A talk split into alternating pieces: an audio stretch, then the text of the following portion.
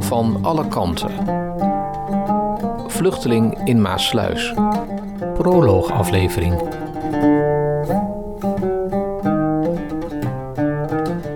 Maasluis vindt het belangrijk om de mensen een gezicht te geven.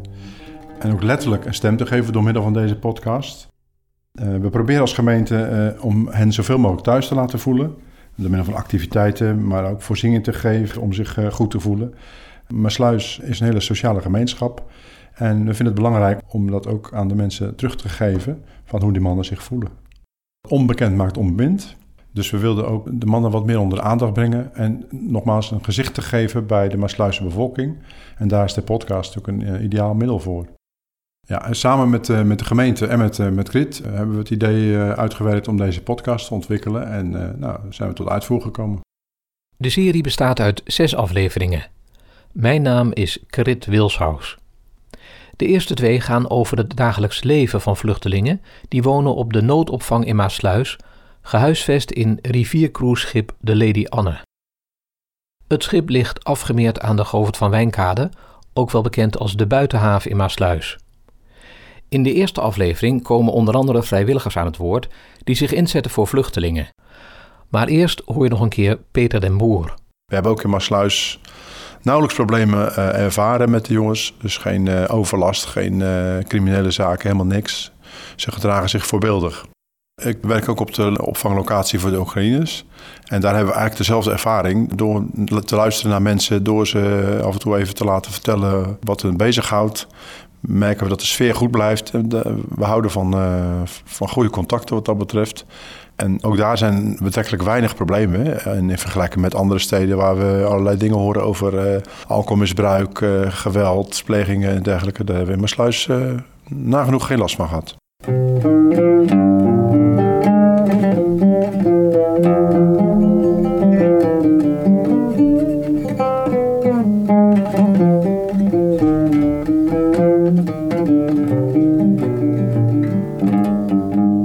Ammar en ik kom uit Syrië. Ik ben 24 jaar. Ik ben hier al één jaar geleden. Ik ben uh, met de muziek afgestudeerd.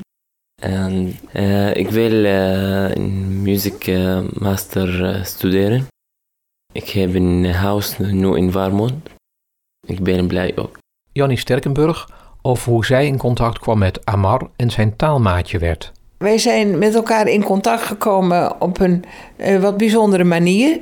Ik las de plaatselijke krant, de Schakel.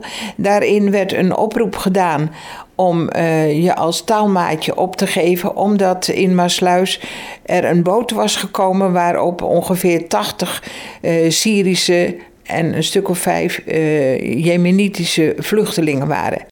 En omdat ik van huis uit lerares ben uh, geweest, dacht ik, nou, misschien is taal wel iets waar ik wat mee kan. En uh, ik heb me dus aangemeld uh, via de bibliotheek dat ik daar wel een handje wilde helpen. In de tweede aflevering hoor je meer interviews met vluchtelingen en hun vrijwillige maatjes. Voor de goede orde, we spreken van vluchtelingen, maar daar kunnen soms ook statushouders mee worden bedoeld.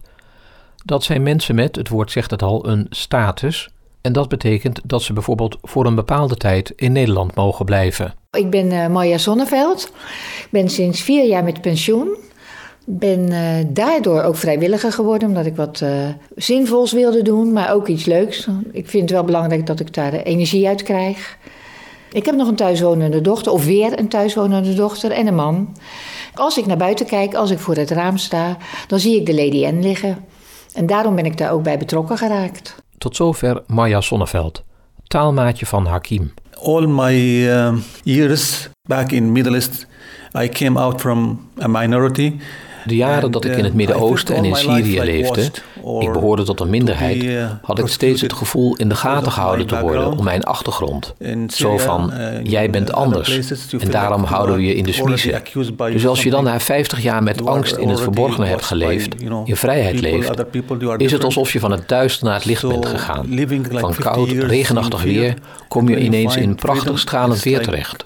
Het hele interview met Hakim hoor je dus in de tweede aflevering. Maar ook kun je naar de motivatie luisteren van Marcel Groosman. Ik heb een, een, kennis, een vriendin uh, die uit Letland komt. En die is hier naartoe gekomen in de crisis van 2010. En er was een wetenschappelijk uh, medewerker aan de Universiteit van uh, Riga.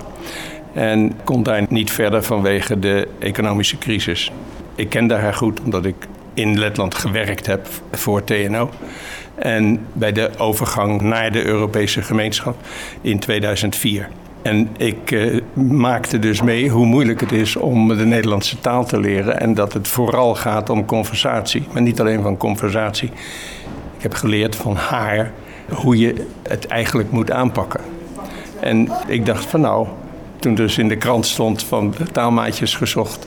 Uh, waarom gebruik ik die ervaring met haar niet ook met iemand anders?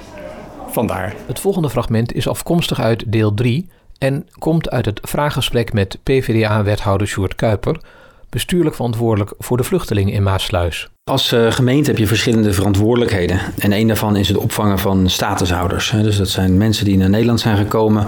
Die hebben in een asielzoekerscentrum gezeten. En doorlopen een juridische procedure is dat echt op basis van het uh, internationale en uh, nationale regelgeving. Daar wordt hun hele verhaal beoordeeld. Er wordt beoordeeld of ze mogen blijven of niet. Als dat achter de rug is en mensen mogen hier blijven, dan zijn ze zogenaamde statushouders. Dan hebben ze een status om te mogen blijven in Nederland en dan worden ze gekoppeld aan een gemeente. Alle gemeenten in Nederland hebben ieder jaar de plicht om een aantal mensen uh, dan ook te huisvesten in hun gemeente. Als gemeente Sluis doen we dat natuurlijk op een nette manier. We hebben altijd een aantal, en dat fluctueert naar, naarmate hoeveel mensen er door moeten vanuit de asielzoekerscentra naar de gemeente, maar ook of je voor of achter loopt. En wij hebben bijvoorbeeld in 2015, toen de vorige enorme uh, golf was vanuit Syrië, toen hebben we hier de crisisnoodopvang gehad in de Olympiahal. En toen hebben de mensen hier een aantal dagen echt geslapen op stretchers, ik geloof bijna 200 mensen. Dat is heel indrukwekkend. Maar we hebben daarna ook opvang gedaan in het uh, klooster. Een uh, voormalige locatie van dakloze opvang die we nog hadden in Maasluis. Daar hebben we toen 40 mensen opgevangen. En die zijn ook langer gebleven daar. Dat is ook de enige manier. Uh, dat moet een beetje humaan zijn. Je kan niet met 200 mannen in een sportzaal liggen jarenlang of maandenlang. My experience with the procedures was not good, I can say. I have many problems with this. We can say, especially with IND, we face different problems. Mijn ervaring met de procedure was niet goed, moet ik zeggen. Ik ondervond veel problemen met hoe de IND het allemaal regelde. Blijkbaar zijn daar geen regels voor. Mijn tweede interview met de IND had ik pas negen maanden nadat ik in Nederland was, terwijl dat na maximaal zes maanden zou moeten plaatsvinden. Ik begrijp dat veel mensen geïnterviewd moeten worden, maar dat was al bekend. En dat zei Rani Hamad. Je hoorde hem aansluitend aan wethouder Kuiper.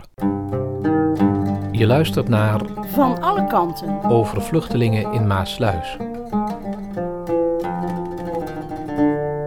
Eigenlijk is dat de vraag van dag 1. Kerstin Hes. Heel veel van de mensen die achtergebleven zijn, zitten in erbarmelijke omstandigheden. Of dat nou in al gevlucht naar Turkije en daar zitten ze vaak ondergedoken, uh, maken ze gebruik van wat, wat sociale ondersteuning. Dus ze krijgen een beetje eten. Vaak betreft het kinderen en een vrouw die dan bij een oom of een neef of zo wonen. Want vrouwen in de Arabische wereld alleen is ook al een probleem. Dus uh, vaak zwakke gezondheid. Eigenlijk is dat het eerste wat ze vragen als ze in Nederland komen. Wanneer mag ik mijn vrouw en kinderen hierheen halen? Nou ja, ik heb net verteld, het duurt al 15 maanden voordat ze überhaupt weten of ze in Nederland mogen blijven. En daarna begint de periode van gezinshereniging. Op het moment van aanvraag tot aan de werkelijke beschikking van de IND of ze wel of niet mogen komen, is de termijn net verlengd. Ook na 15 maanden. En dan moeten ze nog eens een keertje bij de IND hun visum ophalen. Maar afspraken maken bij de ambassades in de desbetreffende landen is ook een enorme opgave. Dus er zit zomaar drie tot vier jaar tussen voordat je je kind weer ziet. Nou, als je een kind van drie hebt en die zie je weer en die is zeven of acht, dan kun je ongeveer wel voorstellen wat dat doet met de psyche van zowel vader als kind. Er komt gewoon een vreemde man naar je toe. Dat was Sherstin Hes van Vluchtelingenwerk Nederland. Sure, at that time I was sad. Rani Hamad. I start getting depression. Sometimes I start to decide to take some medicines for the depression. I lock myself in the room. Zeker. In die tijden was ik verdrietig en depressief. Soms besloot ik medicijnen te nemen tegen de depressie. Sloot mezelf dagenlang op in mijn kamer en stopte met het leren van de Nederlandse taal. Ik was goed bezig Nederlands te leren, maar gedurende drie maanden stopte ik daarmee, omdat ik niet wist hoe dit zou aflopen. Alles in mijn leven stopte eigenlijk. En ik kwam op een punt dat het heel moeilijk was om erover te praten. Mijn leven was een grote puinhoop geworden. Ik wist niet wat er zou gaan gebeuren. Al dus Rani Hamad. Ik sprak hem toen nog veel onzeker was. Wil je weten hoe het nu met hem gaat? Luister dan naar de hele serie. Zoals Peter den Boer aan het begin van deze proloogaflevering al zei, willen we met deze podcast vluchtelingen een gezicht en een stem geven. Het zesde en laatste deel heet Dromen van de toekomst. Wat voor dromen hebben vluchtelingen en statushouders eigenlijk? Ik ben Sadal Kassoum. Ik ben 31, ik kom uit Syrië. Ik woon hier in Nederland sinds anderhalf jaar. Ik vind het leuk en werken met kinderen, omdat de kinderen altijd eerlijk zijn. Je krijgt ook een band met kinderen. Ze, ze vertellen alles aan jou. Dus je wordt een soort van familie met kinderen. En de kinderen zien, zien jou meer dan hun ouders. Dus dat, dat vind ik altijd leuk. Toegegeven, hij heeft er gevoel voor, maar dan nog is het heel knap hoe snel en goed Saad Nederlands leerde. Inmiddels tolkt hij ook voor andere vluchtelingen die onvoldoende Engels kunnen of de Nederlandse taal nog niet machtig zijn. Vorig jaar won hij trouwens de Taalheldenprijs. Net als in Syrië zou Saad hier graag als leerkracht aan de slag gaan. In het volgende fragment vertelt hij over volgens hem het verschil tussen Syrische en Nederlandse kinderen. Ja, er is het heel grote verschil. En eh, leuk om dat verschil te zien, eigenlijk. Dat, dat komt ook door opvoeding, want uh, in Syrië voeden mensen hun kinderen op. Uh, als de ouders spreken de kinderen aan, dan moeten de kinderen aan de vloer kijken. Maar hier moet je, als iemand uh, je aanspreekt, moet je aan hem kijken. het is niet beleefd als je aan de vloer kijkt. Maar daar, daar is het echt andersom, precies andersom. Ja, en om dit verschil te zien, dat vind ik altijd leuk. Mina kwam ook als vluchteling naar Nederland.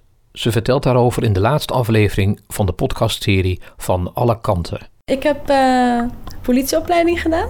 Het leek me in het begin heel erg leuk. En het was echt een, een uitdaging voor mij, omdat ik dat al in Syrië wilde. En nu kan ik het wel. Nu hier kan een vrouw als een politieagent zijn, maar daar niet. Dus dat was leuk. Uh, na een tijdje dacht ik van, oké, ik ben te sociaal ik wil echt iets betekenen voor de vluchtelingen. Omdat ik zelf vluchteling ben geweest, zelf gevlucht, zelf in de opvang gezeten, wil ik graag nu hulp aanbieden. Dus ik ben dan de social work opleiding gaan doen. Mhm. En daardoor heb ik uh, bij het COA gewerkt, bij vluchtelingenwerk gewerkt en bij de gemeente gewerkt, bij coachingorganisaties gewerkt. Eigenlijk van alles gedaan wat ik heel graag wil. En dat zei Mina. In deze podcastreeks hoor je ook muziek en wel van Wiam Arbash. Hij speelde die op zijn oet, een peervormig snaarinstrument uit het Midden-Oosten.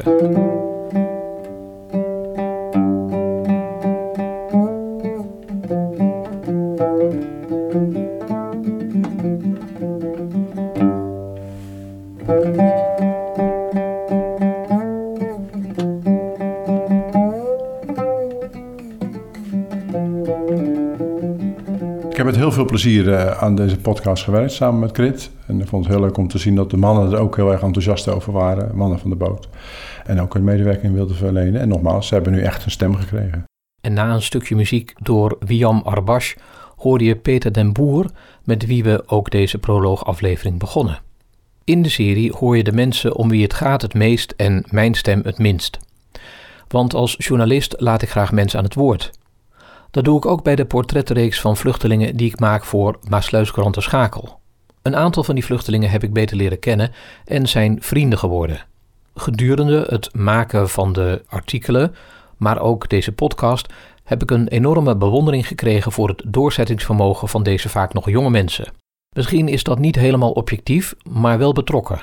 Van journalist M.J. Prussen, die leefde van 1873 tot 1941, leerde ik dat om goed je werk te kunnen doen als journalist betrokkenheid heel belangrijk is. Daarom iedereen bedankt die meedeed. Rest mij nog je heel veel luistergenoegen met van alle kanten toe te wensen.